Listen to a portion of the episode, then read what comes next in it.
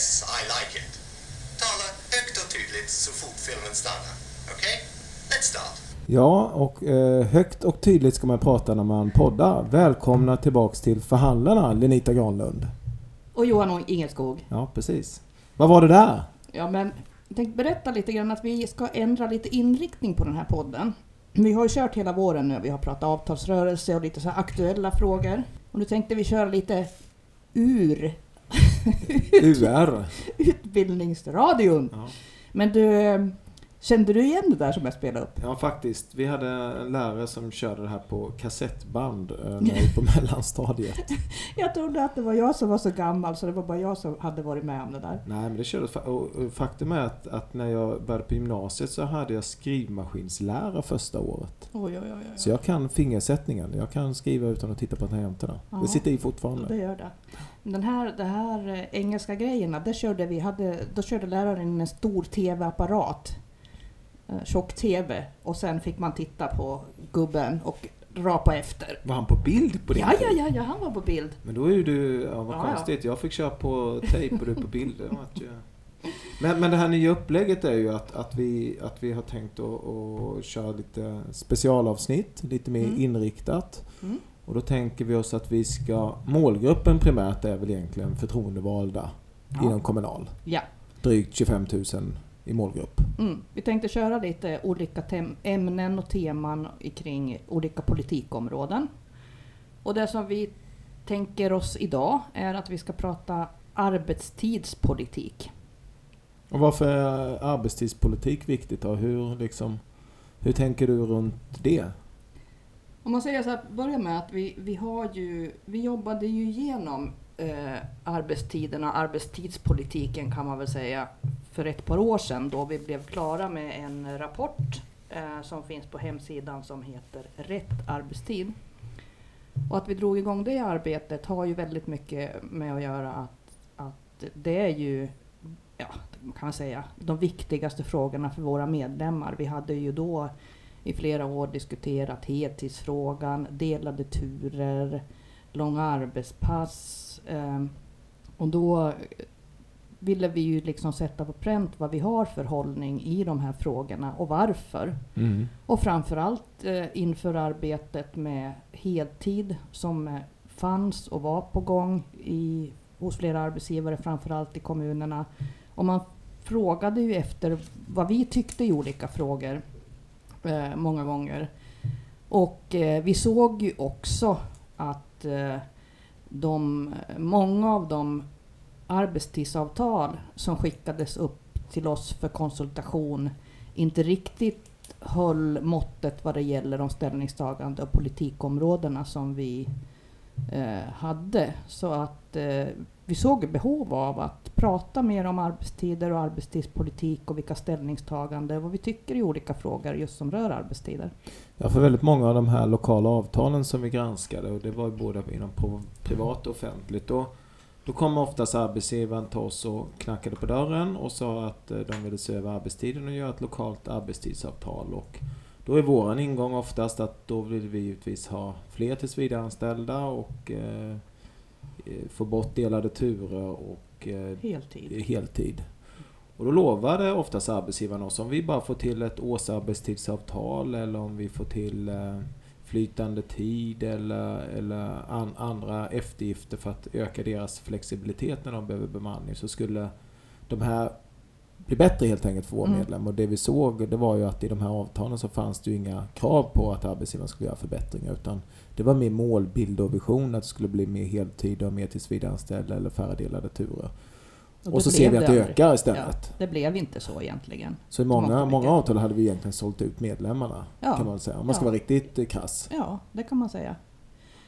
Eh, men ut, målen då? Kan vi, kan vi prata lite grann så kan vi snurra, snurra till det lite runt de här målen som vi har i arbetstidspolitiken. För de hänger ju väldigt mycket kring med det lokala arbetet som nu görs kring heltid.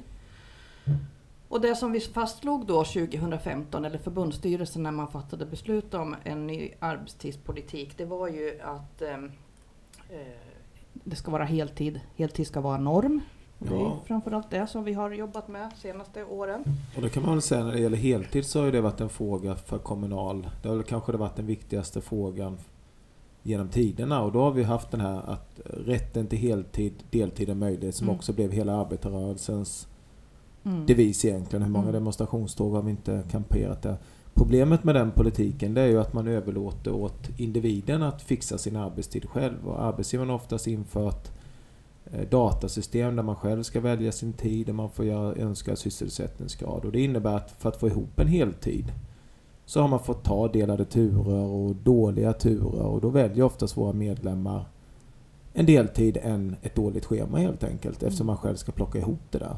Det är det som är den stora skillnaden mot då när vi istället pratar heltid som norm. Utan då förflyttar man ju fokus från individ till ett kollektivt perspektiv. Det är ungefär som att säga att jaha, men eh, skulle, skulle man acceptera ett sådant synsätt till exempel på på Volvo eller på mansdominerade arbetsplatser. Att, nej, men, nej, men, nej, men nu är det så Johan att här kan du välja hur du vill arbeta. Precis. Eh, utan det ska ju vara att heltid blir det normala i de här verksamheterna. Men då kräver det ju verkligen eh, att man ser över arbetsorganisationen. Och det är det som är ett mål också, att, att det ska möjliggöra eh, heltidsarbete. För det är ju inte bara så, det som jag brukar göra liknelser och jämförelser, att om man börjar bygga ett hus så börjar man ju inte med taket. Man måste börja med golvet eller grunden. Och grunden är ju egentligen att se över hela arbetsorganisationen. Hur, hur sker arbetet? På vilka tiden? Vad är det för arbetsuppgifter som ska göras? Hur många, arb, hur många eh, anställda finns? Hur ser arbetsmiljön ut? Eh, och allt det där liksom måste ju göras först innan man börjar med införande av heltid. Men vet vad jag har funderat mycket på varför, varför eh, kvinnodominerade yrken, eller framförallt inom offentlig sektor där man har det här med önskad sysselsättningsgrad och kvinnan själv ska få välja sin tid. Och jag, jag brukar gå så här och tänka att ja, men det är en anpassning för att mannen ska kunna jobba de tider han vill. Mm. Kvinnan får då anpassa sin arbetstid efter mannens skiftgång. Mm. Eller mannens önskan att jobba från sex på morgonen till fyra på eftermiddag, måndag till torsdag och sluta lunch. Mm. Ja, då får ju mamman till barnen hämta och lämna barnen varje dag och då Ja. börjar de klippa och klistra med sin egna arbetstid. Mm. Så är det. Och Djupt så, orättvist i samhället. För Ja. det, det är klart att börjar du jobba på Volvo-verkstaden eller Volvo Torslanda på linen där, inte kan du gå in och säga så att nu nu vill jag liksom eh, välja min egna arbetstid och då kommer ju de säga nej men här har vi organiserat arbetet utifrån att du jobbar de här tiderna. ja, du, väljer, du kan inte välja bort det om det inte finns några särskilda Nej. skäl. Ja, det är så det fungerar. Punkt slut. Vad är det här då? En jämställdhetsfråga? Definitivt. Alltså hela, hela samhället, eller, eller man kan säga kvinnor ser till att män kan bestämma sin arbetstid ihop Mm. med sina arbetsgivare. Så kan man säga. Djupt orättvist och det är lite galet att vi inte diskuterar det utifrån det perspektivet utan istället så luddar man in det och säger att kvinnorna själva får välja sin arbetstid och välja sin sysselsättningsgrad när det är egentligen precis tvärtom. Mm. Och då blir det här med arbetstider oftast ogörligt att eh, eftersom man inte tittar, har sett över arbetsorganisationen så får man välja arbetstider som egentligen är slattar både här och där. Delade turer och korta turer och långa turer och det som blir över istället för att se över helheterna. Ja, Ja. men då i den här utredningen, vad kom vi fram till då? då?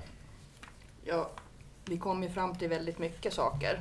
Det här var ju målen. Det som också, ett av målen då, det är det här med delade turer, att det ska, ska undvika. Men i den här skriften som jag tycker att, att eh, man lokalt ska titta över och jobba för, är det ju väldigt uttalat vad som är lokalavdelningens ansvar och vad förbundet ska jobba i arbetstidsfrågor.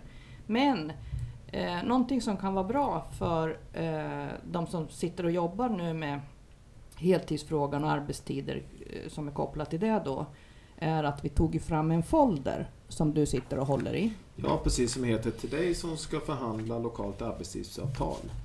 Och det är liksom inga pekpinnar på något sätt utan vi, vi, vi liksom ger lite tips om, om eh, egentligen tillvägagångssättet. Och det, och den första punkten vi pekar på är att kika i ditt centrala avtal. Det finns alltid regler i det centrala avtalet som man behöver ta hänsyn till. Sen är de flesta avtal så är ju de dispositiva där det finns möjlighet att göra anpassningar lokalt. Och då är vår rekommendation, eller inte rekommendation, det är ju krav att man då börjar prata med medlemmarna på arbetsplatsen. Hur, hur ser arbetstiderna ut här?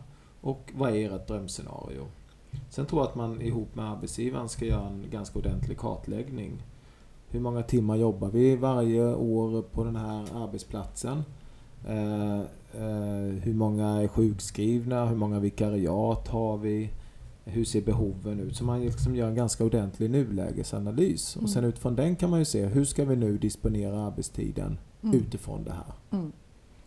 Och det som gäller, det gäller ju att veta hur många årsarbetstimmar man gör på en arbetsplats. För ofta tittar man ju bara på antal personer och schemarader men det finns ju så mycket mer. Ofta visstidsanställda eller pooler eller någonting som är den totala, totala arbetsmängd, eh, eh, arbetstimmarna, eller man ska säga totalt sett. Så man måste ju se över helheterna för att ens ha kunna möjlighet och chans att göra ett bra schema eller om man nu tittar på årsarbetstider, hur ja. ska det se ut? Så att liksom man, man, måste ju ha en helhetsbild. Men förutom den här foldern som då är rent kommunallig om man ska säga så, så har vi också ihop med Sveriges kommun och landsting ett projekt och då har vi en hemsida som är heltid.nu som vi vill starkt rekommendera även om man inte jobbar i offentlig sektor, alltså i en kommun eller landsting eller region så finns det mycket tips och tricks på heltid.nu att eh, läsa om hur man kan göra en sån här kartläggning ihop med sin, med sin motpart lokalt. Ja, för nu är det ju så här att vi har ju, vi har ju jobbat med heltidsfrågan här nu sedan förra året eh, när vi reglerade den i kollektivavtal att vi skulle gå in och göra ett arbete på en, fem år är det ju. Femårsprojekt Ett femårsprojekt. Ja. Och då är ju syftet med hela det här projektet är ju att heltid ska bli norm eh, i kommuner och landsting. Och att eh, man tillsammans nu eh, senast den sista december i år, 2017, ska ta fram en handlingsplan över hur det här ska ske. Och vi vet ju att de allra flesta har är på gång i alla fall kan man säga. En del har gjort en handlingsplan, en del är på gång.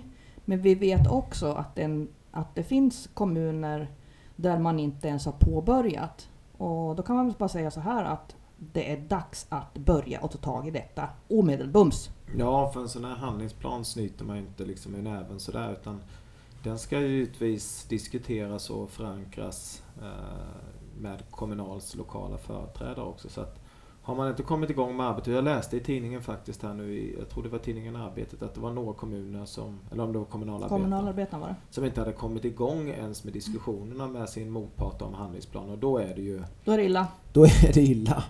Det är så här att om man nu inte har gjort den där handlingsplanen senast sista december så är det ett kollektivavtalsbrott.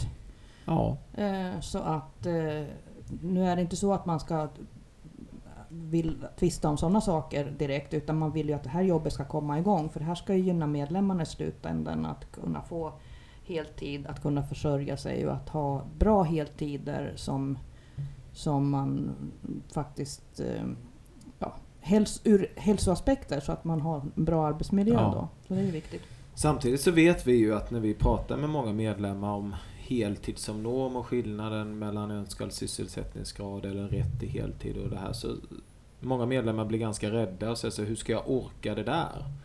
Eh, därför att jag har så tuff arbetsmiljö eh, och jag har privata förhållanden som de oftast hänvisar till och då tror jag det handlar mycket om det här att man ska hämta och lämna barnen och sköta det där därför, därför att ens make... Det är för att inte gubben gör det. Nej, gubben gör det inte. Och då hänvisar man och då, då, då skillnaden här är ju att heltid som norm ska man ju kunna, orka och vilja jobba heltid. Så arbetsgivaren måste ju helt plötsligt, eller helt plötsligt, måste se till att man har en arbetsmiljö som gör att människor orkar jobba heltid. Mm. För många av våra medlemmar orkar inte jobba heltid idag för att man, man är för trött, man är för få människor på arbetsplatsen, man får, får jobba för hårt.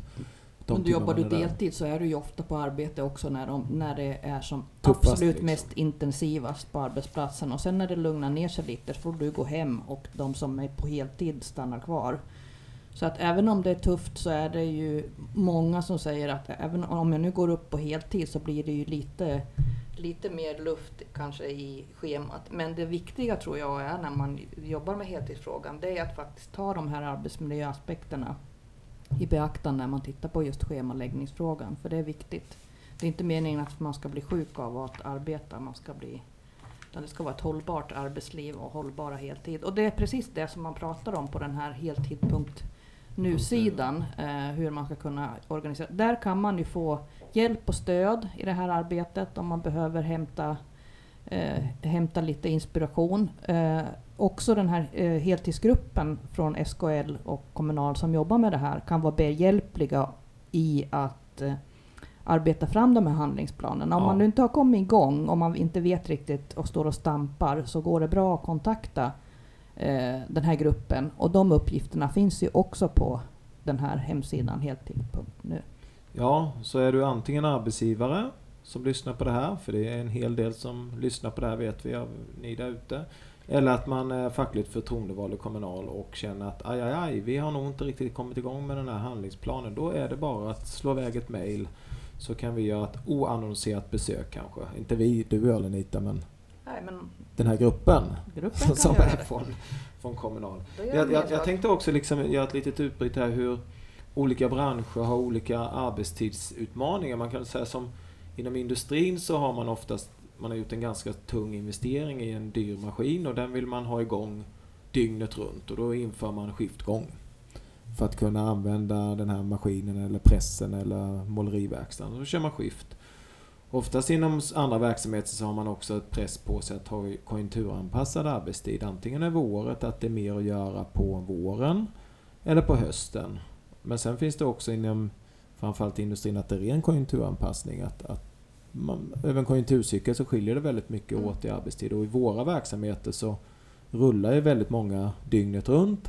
Men det är mer att göra vissa tider. Mm. Och det är väl det här jag inte tycker arbetsgivarna har lyckats eh, komma på en smart idé. Hur organiserar man då arbetet i de här verksamheterna som ändå går 24 timmar om dygnet, alla dagar i veckan. Man vet när topparna är, ungefär. Man vet hur populationen ser ut, man vet hur många unga man har. Man vet när folk går upp på morgonen. Ja, och ändå Eh, lyckas man oftast. inte organisera arbetet. Men jag tror att det har varit ganska bra för arbetsgivaren att vi har haft den här tidiga hållningen att, att våra medlemmar själva ska jaga ihop sin tid. För då behöver de bara mata in i ett tidssystem när de behöver timmarna och sen får man själv jaga ihop det där. Ingen arbetsgivare behöver själv ta ansvar för arbetsmiljökonsekvenserna av det eller Dessutom är det våra Mm. medlemmar som får mata in och stå Ja. där och liksom se till att, att det finns folk när det behövs i verksamheten. Så Ja. att man kan väl säga, jag har ju varit med hela den där resan om man säger när det här börjar med arbetstids, ja man säger flexibla arbetstidsscheman och tvättstugemodeller och eh, allt vad det nu het, har hetat genom tiderna, så kan man väl säga att det som har hänt under de här åren sedan i början, mitten på 90-talet, det är ju att cheferna fullständigt har abdikerat ifrån arbets, arbetstidsfrågorna. Utan det är våra medlemmar som har hand om egentligen sina egna arbetstider.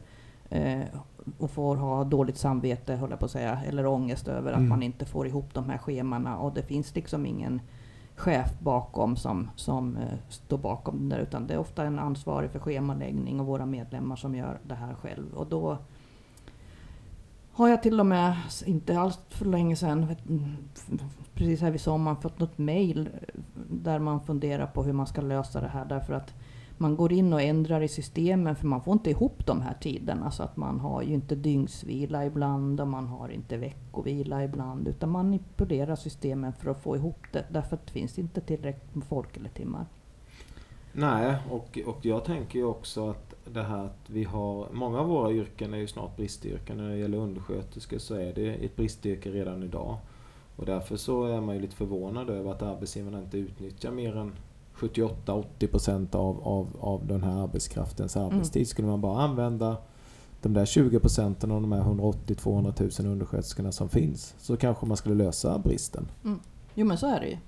Men sen handlar det ju om också att det finns att det är rätt bemanning. Alltså vi vet ju att det är för lågt bemannat på många håll och här behöver man ju skjuta till resurser för att få fler undersköterskor och fler anställda inom ja, vård och omsorg och annat. Så att eh, det ska vara rätt bemanning eh, och rätt utbildning för de som jobbar i våra verksamheter oavsett nu vad det är för verksamheter. Och vi tror ju oftast att, eller man kan väl se, man kan ju mäta hur många har varit sjuka de sista två åren på den här arbetsplatsen och då borde man ju kunna konstatera att ja, men det kanske är en heltidstjänst som alltid över året är borta. Då kunde man faktiskt anställa en extra Mm. för att täcka upp för Ja, framtida precis. vikariebehov och så eller bemanningspooler eller någonting. Men en fråga, just det här med heltid, som, som är viktig också. Och, och det handlar ju om våra medlemmars pensioner i slutändan. Att, att jobba heltid gör ju skillnad också för vad du får för pension så småningom. Och vi vet ju att våra medlemmar som, eh, som jobbar deltid och framförallt då i de kvinnodominerade yrkesgrupperna får ju väldigt låg pension och kan inte klara sig på sin pension. Man blir fattigpensionär. Ja, och det Ja. gillar vi inte. Då, jag tänkte skicka med, eh, om nu arbetsgivaren kommer så här. Hör du vad det var? Knackelibang på dörren. Ja, det är en arbetsgivare som kommer knacka på den fackliga expeditionen och så säger han så här. Hej hej! Vi skulle vilja göra ett lokalt arbetstidsavtal. Eh, därför att vi tror att om vi får lite mer flexibilitet och sådär så kommer det bli jättebra. Och då, då vill jag skicka med er förtroendevalda fyra punkter ni ska tänka på som ni ska försöka få med i ett sådant avtal. Det ena är att, att arbetsgivaren måste påvisa att det blir mer höjd sysselsättningsgrad. Fler Ja. heltider. Det ska bli heltider. Heltid som norm, ja. Och vi ska också gå igenom hur många eh, vad säger man, visstidsanställda eller tidsbegränsade anställda har vi och hur många med det här nya härliga arbetstidsavtalet, hur många fler tillsvidareanställningar kan det bli? ja. Färre, färre visstid och fler tills vidare. Och sen kan man ju också diskutera att, att om våra medlemmar tar en viss flexibilitet för att arbetsgivaren ska få ihop skulle man kunna diskutera en ytterligare arbetstidsförkortning på arbetsplatsen. Till exempel inom industrin när det går skiftgång så jobbar man ju färre timmar till exempel. Än, än vad som är reglerat i det centrala avtalet. Mm. Och vi har ju också arbetstidsförkortning men eh, man kan ju titta på man kan ju titta på vad det, hur, hur mycket det ska vara. Ja, precis. Mer flexibilitet, ju kortare arbetstid. Ja, Och sen delade turer. Att eh, antingen ta bort eller begränsa delade turer. Att man åtminstone begränsar det till så, så mycket som det går. Så fyra medskick till er lokala företrädare och då är ni arbetsgivare. Ni kommer då möta fackliga företrädare som vill ha ordning på de här. Alltså Mm. heltid, tillsvidareanställning, man kan diskutera arbetstidsförkortning och begränsa de delade turerna. Mm. Det är väl liksom de här medskicken. Vill man ha ökad flexibilitet i arbetstider så what's in it for us liksom. Ja, precis. Inga dåliga byten. Bättre Inga- byten. Bättre byten. Bättre byten. Ja, då var det väl dags att börja runda av lite grann här. Nu har vi pratat eh, arbetstidspolitik och såklart väldigt mycket heltid har det ju blivit. Men eh, ja, eh, är det något mer? Är det någonting som vi har glömt? Tycker du? Nej men jag tror att eh, arbetstidsfrågorna kommer bli allt viktigare. Och En vi- raket tror jag. En raket. Och jag tror att nästa kongress här så kommer det nog diskuteras mycket. Eh, ska Kommunal inta en position där vi ska förkorta arbetstiden mer, sex timmars Mm. arbetsdag och sådär. Den där diskussionen finns ju till och från. Och jag tror att nästa kongress, det vet jag du har sagt det med, Mm. att det där kommer nog bli eh, stor fråga nästa det är en kongress. bubblare kan jag säga. Ja, det är en bubblare. Vi kan väl säga, bara för att som påminna oss vilka beslut vi har tagit, just om sex timmars arbetsdag, arbetsdag så är det så att kongressen har ju fattat beslut om att det ska vara en vision att så småningom eh, komma ner i arbetstid till sex timmar. Eh, vårt problem med det här är ju, som vi har diskuterat och därför eh, prioriteringarna inte har sett så ut, är ju det att någonstans så kostar det ju pengar. Och då får man ju ställa arbetstiden, en kortare arbetstid mot eh, lägre löneökningar. Och våra medlemmar har ju generellt sett eh, på de flesta områden låga löner. Eh, och eh, ska man då bekosta en för, förkortning av arbetstiden så blir det inte mycket löneökningar kvar. Så det är det som vi brottas med. Det är inte så att vi inte tycker att våra medlemmar ska ha kortare arbetstid utan det handlar om prioriteringar. För i, som vi har pratat under våren, eh, apropå att vi har en, en norm med pengar, märke att förhålla oss till, så kommer det ju inga pengar någon annanstans ifrån. Utan ska vi ha en arbetstidsförkortning får vi betala den själv. Såvida inte politiken går in och lagstiftar om någon annan arbetstid. Men eh, jag tror det är en bubblare och jag tror att det här kommer att bli en diskussion på nästa kongress. Det hoppas jag, för arbetstidsfrågorna är viktiga. Sen var, var, var vi landar, det är en annan sak. Men du, eh, jag, jag, jag tänkte nu, nu ska jag ge dig ut lite på djupt vatten här. Nej. Jo, men nu ska vi inte avslöja eh, exakta fakta här. Men våran arbetsgivare, har du och jag gjort ett bra byte när det gäller arbetstid? Jaha. Alltså apropå, Ja. vi har ju, vi har ju någonting som heter oreglerad förtroendearbetstid. Det vill säga att man har en skyldighet att utföra arbetsuppgifterna. Eh, sen hur lång tid eller när man gör det där, det ska man själv reglera. Och vi styr ju inte det där så mycket själva du och jag när vi ska driva igenom 70 avtal i en avtalsrörelse. Nej, och vi kan ju inte... Det, jag som är en sån här nattmänniska, jag skulle kunna sitta här på nätterna men jag tror inte att det är så många som vill sitta här med mig om nätterna. Så det är ju... Man måste utföra arbete när arbetet så krävs. Ja, precis. Och när andra som vi möter är på plats. Så att så där mycket fritt val i det där Eh, finns det väl kanske inte. Den är oreglerad men i princip är den ju väldigt reglerad eftersom man får utföra arbetsuppgifter när, när de behöver göras kan man väl säga. apropå bättre byten. Ja. Men du, eh, nu har vi ju tänkt att öka intensiviteten lite här eh, när det det. gäller de här. Precis som engelska lektioner så hade man det kanske en eller två dagar i veckan och fick lyssna på, vad hette han, Mr. Ja, jag tror han heter Brian. Jag Mr har, jag, Brian. det kanske, jag kanske kommer ihåg fel, men det är en känsla liksom. Ja. Men vi har väl tänkt om, om, om två veckor kommer vi tillbaks igen och då tänkte vi snacka lite mer djupt om eh, vår Lön. lönepolitik. Ja. Ja. 11 oktober kommer vi återkomma och prata om lön. Då får vi väl säga tack och hej så länge. tack och hej. Ha Hej då.